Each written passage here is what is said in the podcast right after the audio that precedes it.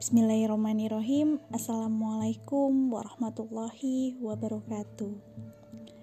Izinkan pagi ini kembali saya menyapa teman-teman sekalian. Ada sebuah kisah mengenai penjara pikiran. Dikisahkan seekor belalang yang telah lama terkurung dalam satu kotak. Suatu hari ia berhasil keluar dari kotak yang mengurungnya dengan gembira dia melompat-lompat menikmati kebebasannya.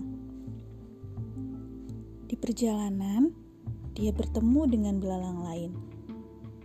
Namun dia heran, mengapa belalang itu bisa lompat lebih tinggi dan lebih jauh darinya.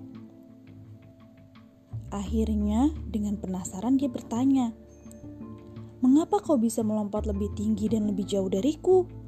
Padahal kita tidak jauh berbeda dari usia maupun ukuran tubuh. Tahu nggak? Belalang itu menjawabnya dengan pertanyaan. Di mana kau tinggal selama ini? Semua belalang yang hidup di alam bebas pasti bisa melakukan seperti yang aku lakukan. Saat itu belalang baru tersadar bahwa selama ini Kotak itulah yang telah membuat lompatannya tidak sejauh dan setinggi belalang lain yang hidup di alam bebas.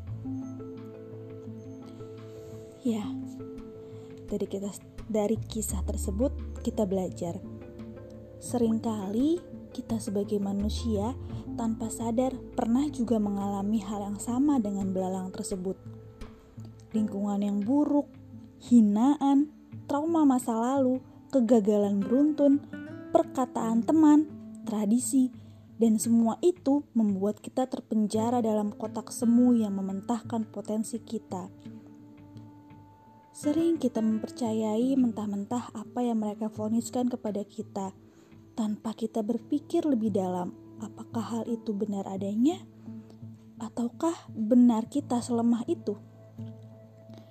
Lebih parah lagi, kita acap kali lebih memilih mempercayai mereka daripada mempercayai diri sendiri.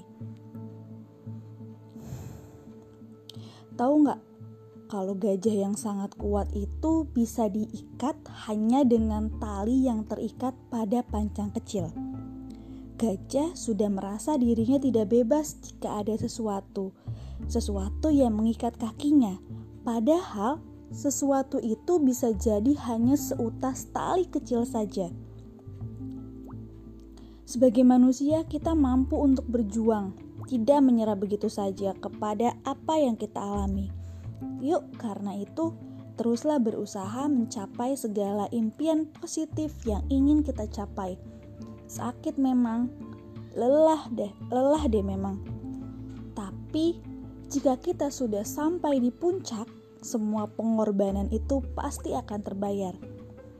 Dan pada dasarnya, kehidupan kita akan lebih baik kalau kita hidup dengan cara hidup pilihan kita sendiri, bukan dengan cara yang dipilihkan oleh orang lain.